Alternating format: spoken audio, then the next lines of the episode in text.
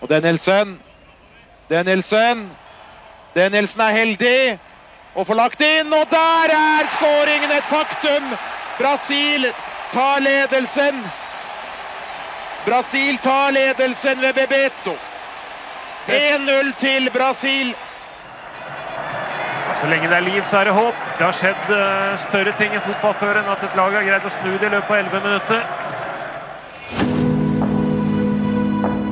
Du hører på Ekstra omgang, en podkast fra VG-sporten, og mitt navn er Mattis Holt. Legende er et stort ord, og norske fotballegender er det kanskje ikke altfor mange av.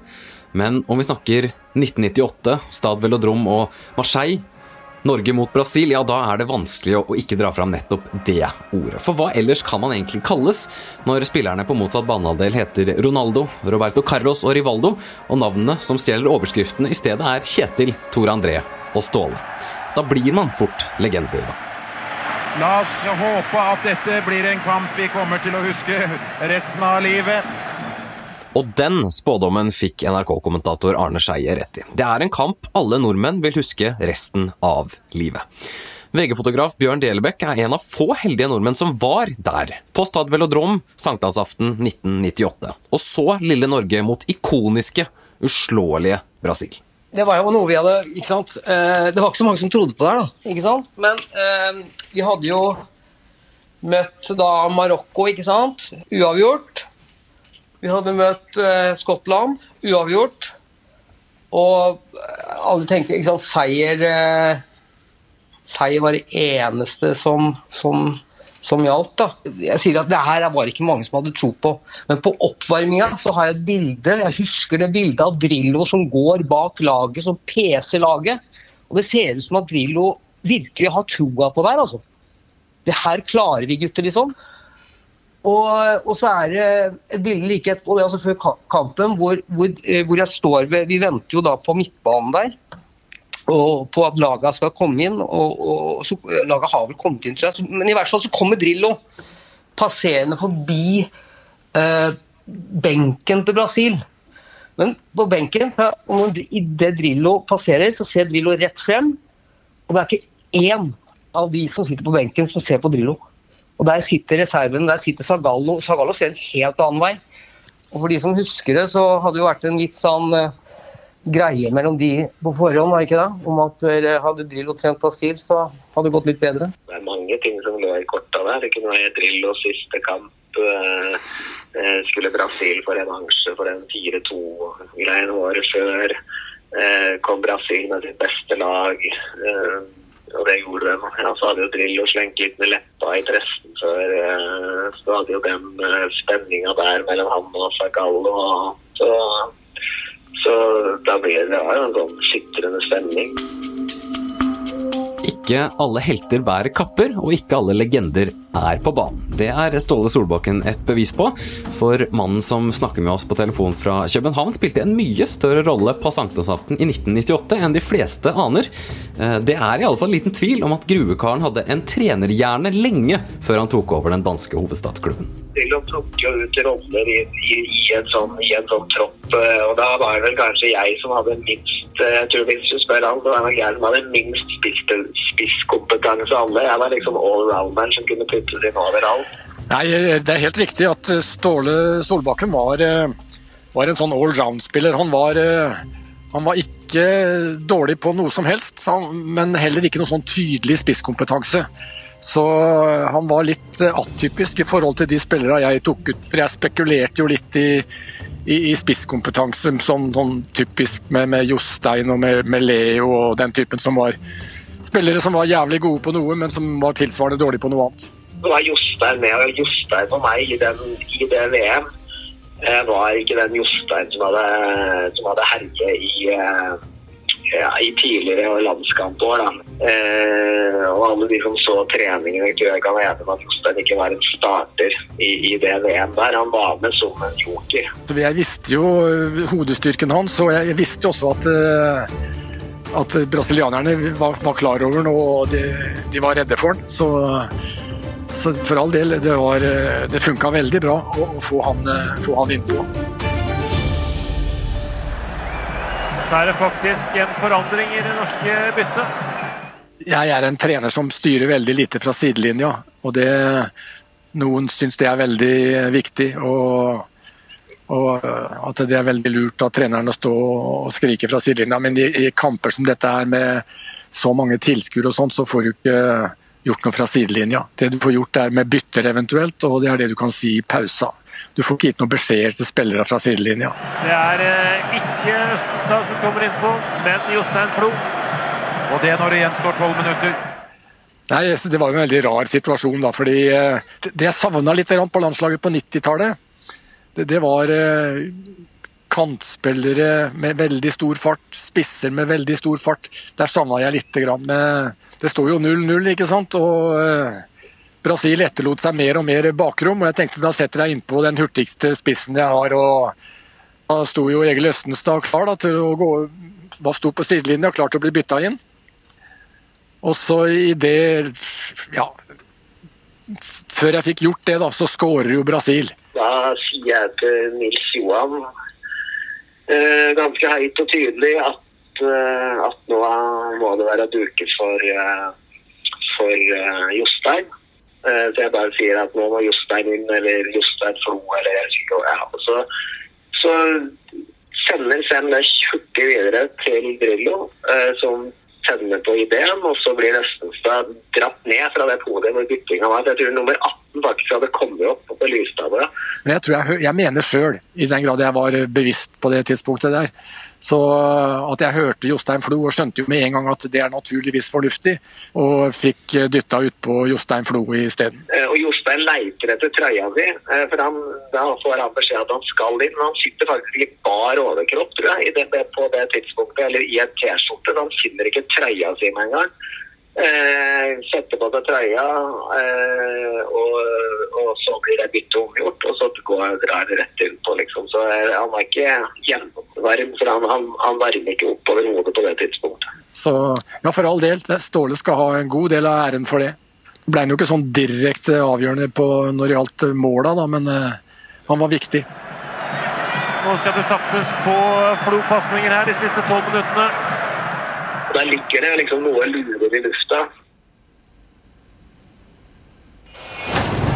Det har skjedd større mirakler i fotball, sies det.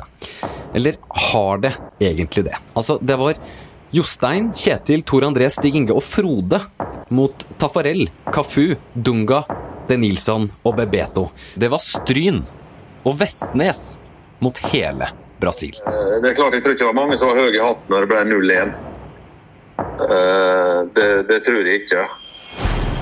Og da visste vi at vi måtte vinne, for vi hadde jo kontroll på resultatet i andre kampen. Så da var det jo da var det ikke noe bønn. Da var det bare å, å begynne å, å, ta risiko mer og mer. Det var selvfølgelig tungt å få det i trynet. Uh, men også, samtidig så tenkte vi at nå er det kort tid igjen òg.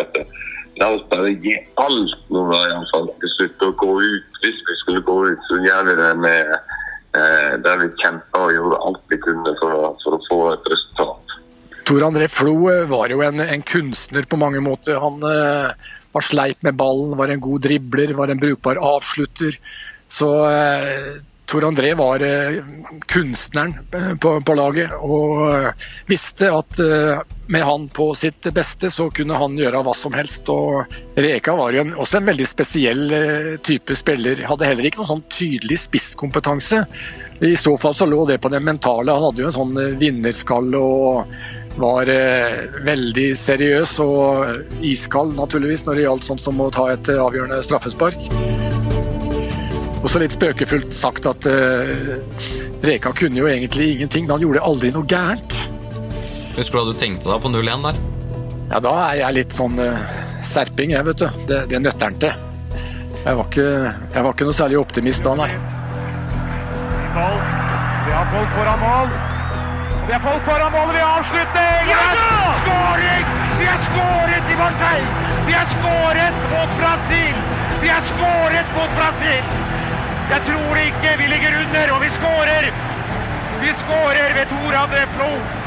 Flonaldo.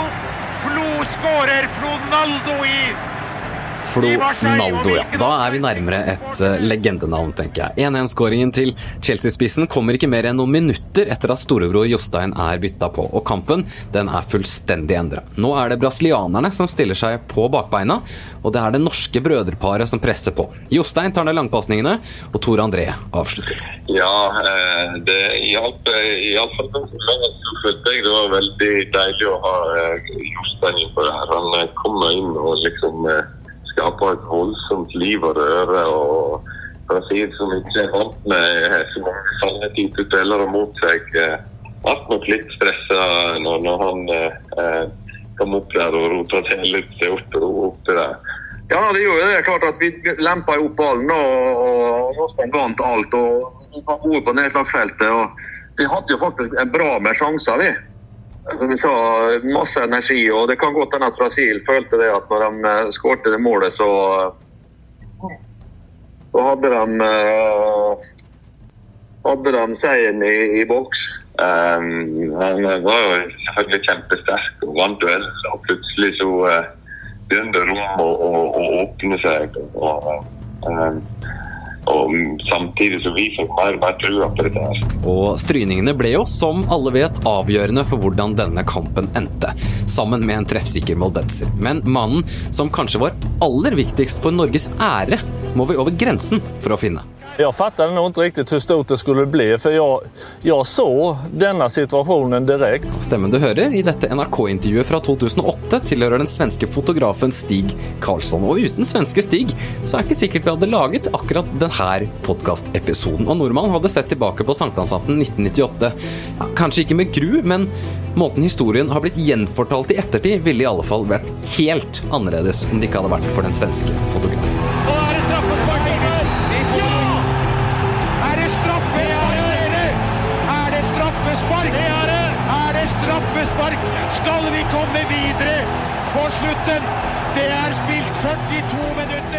Det var også litt av en situasjon, fordi jeg ser den trøya blir eh, dratt i.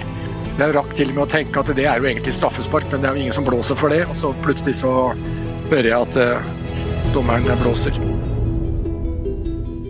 Ja, nei, jeg husker det som eh, Akkurat idet ballen kommer innover, så skal jeg eh, dempe den på brystet litt sånn, Jeg må hoppe litt sånn opp. Eh, akkurat idet jeg hopper opp, så eh, jeg dratt bakover i skjorta. og eh, for meg da når jeg skal lande, så er kroppen veldig bakoverlent og, og føttene mye lenger framme, så det var helt umulig for meg å stå på beina.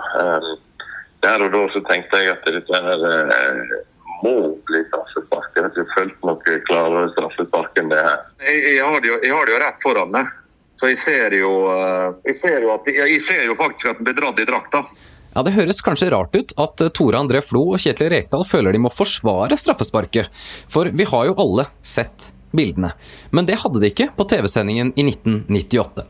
Timene etter straffeavgjørelsen er for lengst glemt av både nordmenn og brasilianere, men kvelden 23.6.98 kokte det i brasilianske stuer og mediehus. Hvordan kunne han ha dømt straffe? Junior Baiano gjorde da på ingen måte noe galt i den duellen med Flo, og alle mener det er filming. Og reprisene de støtter den påstanden. Og konspirasjonsteoriene om at eh, amerikanske dommeren Esfandar Baharmas på en eller annen måte er slekt med Drillo, begynner antageligvis å boble på de brasilianske barene i de sene nattetimer. Ja, jeg, mener å huske til og med at Blatter gikk ut og klaga på dommeren og greier. Så det er, det er klart Norge var vel ikke verdens mest populære landslag, vil jeg tro. Så det var sikkert mange som uh, syntes det var litt trist. Og heller fått med Marokko isteden. Og det er litt sånn spøkefullt sagt at jeg vokste opp i et miljø vi lærte tidlig å hate USA. og Det slutta jeg med akkurat da. Og det går altså så langt at presidenten for Fifas dommerkomité, David Will, må svare på kritikken som hagler mot den amerikanske dommeren. of Norway was being held back by the jersey by the player of Brazil.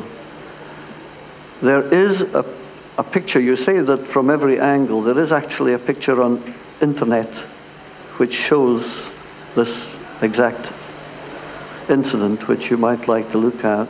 Altså, Den gang som fotograf så jobbet man på en så viktig kamp eh, veldig annerledes enn i dag. For i, i, dag så har du mye mer muligheten til å forberede deg. Hvor skal jeg sitte? Eh, Du velger kanskje side, i hvert fall mer, da. Den gang så på en måte eh, ble du nærmest plassert. Og eh, når den uh, nedrivinga av Flo skjer, jeg, jeg, jeg ser ingenting. Jeg bare jeg ser at det er noen reaksjoner på benken og, ja, jeg, skjønner at det her skal bli straffe.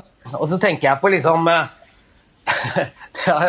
det, blir jo hele greia, da. ikke sant? Altså, alle snakker om at det her var ikke straffe, han hadde filma alt sånn. Og så, og så tenker jeg liksom, så kommer det Det var vel en svensk det var en svensk TV-fotograf som hadde bildene, og så kommer de, og så er det ikke sant? Det er jo ja, det er på video, tror jeg, det er på video, men likevel så er det liksom stillbildets makt som viser virkelig at det her er straffe. Det er som hensen til Maradona, da. ikke sant? Er, jeg tror det er bare jeg tror det er bare ett eller to stillbilder ja, som jeg har sett som viser virkelig at det er hens. Altså, det er jo sånn som, for, for en fotograf så er det en drøm å ha et bilde ingen andre har. ikke sant? Det virkelige beviset på at altså var vel snakk, Noen mente vel at han dommeren burde sendes hjem, men det bildet ble jo redning av både Tor André Flo og han dommeren. Jeg husker jeg eh, var vel dagen etterpå, eller jeg tror det var dagen etterpå, kanskje to dager etterpå, husker jeg at jeg arrangerte et bilde av Tor André sammen med Jostein og Håvard Slover. Altså fetter, liksom sånn Yes! Det var straffe. Jeg må si at jeg var veldig glad for å se disse bildene når det, eh, når det egentlig ble helt klart for alle at dette der måtte være straffespark. Og da, men Han dro jo hånda mi i tröjan, sa jag. jeg har det på bild. Har du det på bild, sa han. Det svenske bildet. Som reddet Norges ære, og som reddet dommer Baharmas, som fikk muligheten til å snakke om denne situasjonen til NRK under omkampen i 2018. After the game, for me, there was no doubt. I was 100% sure. But the next morning in the papers, they were killing me that this is not a penalty. And thank God to the Swedish cameraman who got the picture. He gave me a second life when it came to football. So I thank him all the time. Ja, jeg er veldig, veldig takknemlig overfor den svenske fotografen som hadde fått med seg det der. Veldig bra. Nei, altså Jeg vet at vi fikk en del eh, kritikk i etterkant, som heldigvis da ble, ble tilbakevist pga. han eh, svensken. Jeg visste jo at det var, at det var riktig. Og da går jo, Når han peker på straffemerket, så da er det jo min Da begynner jo mine, mine forberedelser på straffesparket, selvfølgelig. Og Da er jo liksom alt annet uinteressant. Sikreste sted å sette en straffe, det er jo høyt, ikke sant. Setter du en straffe litt til sida for keeper ganske høyt, så går den inn. Men det er veldig få som setter den veldig høyt. De fleste setter den relativt lavt og med, med, med fart. Eh, og da blir det, altså, går det et stykke tid før Kjetil får tatt den straffa. og da eh, Der er jo de tilfellene, de situasjonene der er jo Kjetil sterk. og Jeg husker bare Gini sa at nå ville jeg ikke vært i, i Gule sko eller sa, eller i Rekas sko. Og, eh, og det er liksom ikke noen selvfølge at dette her blir mål, og, og, og det presset han hadde på seg da. det Da blir det jo uh, mer sjøl mot, mot uh, Tafarel som gjelder, og ingenting annet. Personlig eh, da er jeg ganske så nervøs. Jeg var glad for han som skulle ta akkurat den straffa der. Hva tenker du i, i sekundene der når du legger ned ballen? Nei, at det, ja, det, hva skal jeg si da, Konsentrere meg om sparket, at det skal bli godt plassert og bra med kraft. Og så må jeg følge med keeperen. Det er liksom det, det som er fokuset mitt. Nei, jeg, jeg hadde helt sikkert ikke helt normal puls. Det kan jeg ikke tenke meg at jeg hadde. straffa er jo liksom den er jo, den er jo veldig hard og fin å gjøre, men samtidig så, så er det jo litt til keeperhøyde, og keeperen går riktig. Hører du stadionlyden i et sånn uh, Nei, nei. Nei, den er helt borte. Det er helt fjær. Vi får se Rekdal. Han er kald som en fisk. Se på keeper når han står stille, så ble det naturlig å skyte i det hjørnet. Han skårer! Norge leder 2-1! Norge leder! Viva la Norvège! Allé Norge! Kjetil Rekdal og alle hjemme. Jeg har ikke opplevd maken. Og dette ble det av fullt hjerte. 2-1 til Norge. Åh. Det er jo en fantastisk følelse, selvfølgelig. Og du eh, litt sånn mister hodet, drar av gårde på et langt løp som koster litt krefter. Og Da var det liksom eufori. Det var veldig mye litt sånn, litt sånn eh, eh, Jeg vil ikke kalle det kaos, men det skjedde utrolig mye på kort tid. Nei, Jeg så bare at straffa gikk inn, jeg. Og var naturligvis eh, jublende glad akkurat da. Og var jo glad helt eh, når fløyta gikk og vi hadde vunnet. Vi er i kvartfinale, Lars Gjerdås. Alle dere hjemme i Norge! Dette har dere fortjent poenget! Se på Egil! Det morsomme med den matchen er jo at vi vinner for så vidt eh, fortjent. Jeg mener å huske at vi lå på, havna på 5-4 eller 6-4 eller noe sånt i målsjanser. Så det, det var ikke noe ran, nei. Vi var egentlig best. Var stort å være fra Stryn i dag.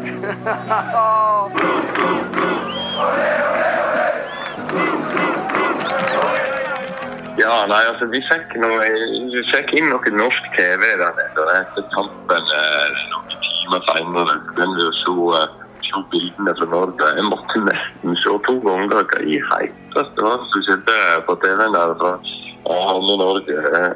som bildet fra Stryn eksempel, og som folk som kjente så gikk fullstendig av skatte i i Stryn sentrum og hoppa inn i fontene og var på toppen av lyktestolpa. og eh, så fullstendig galskap ut. Men eh, samtidig kjempe, kjempeartig å se, Sverige.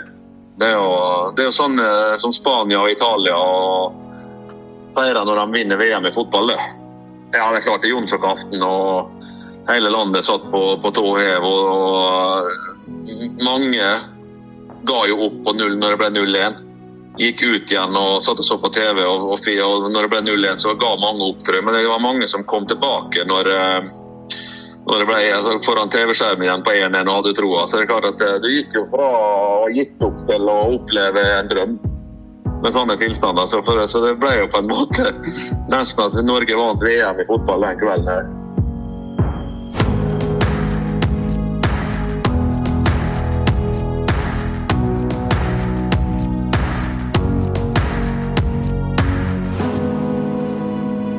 Du har hørt ekstraomgang fra VG-sporten da legender ble skapt i Marseille av Vegard Raustad og Mattis Holt. I tillegg til VG-fotograf Bjørn Steinar Delem. Teknisk produsent er Magne Antonsen.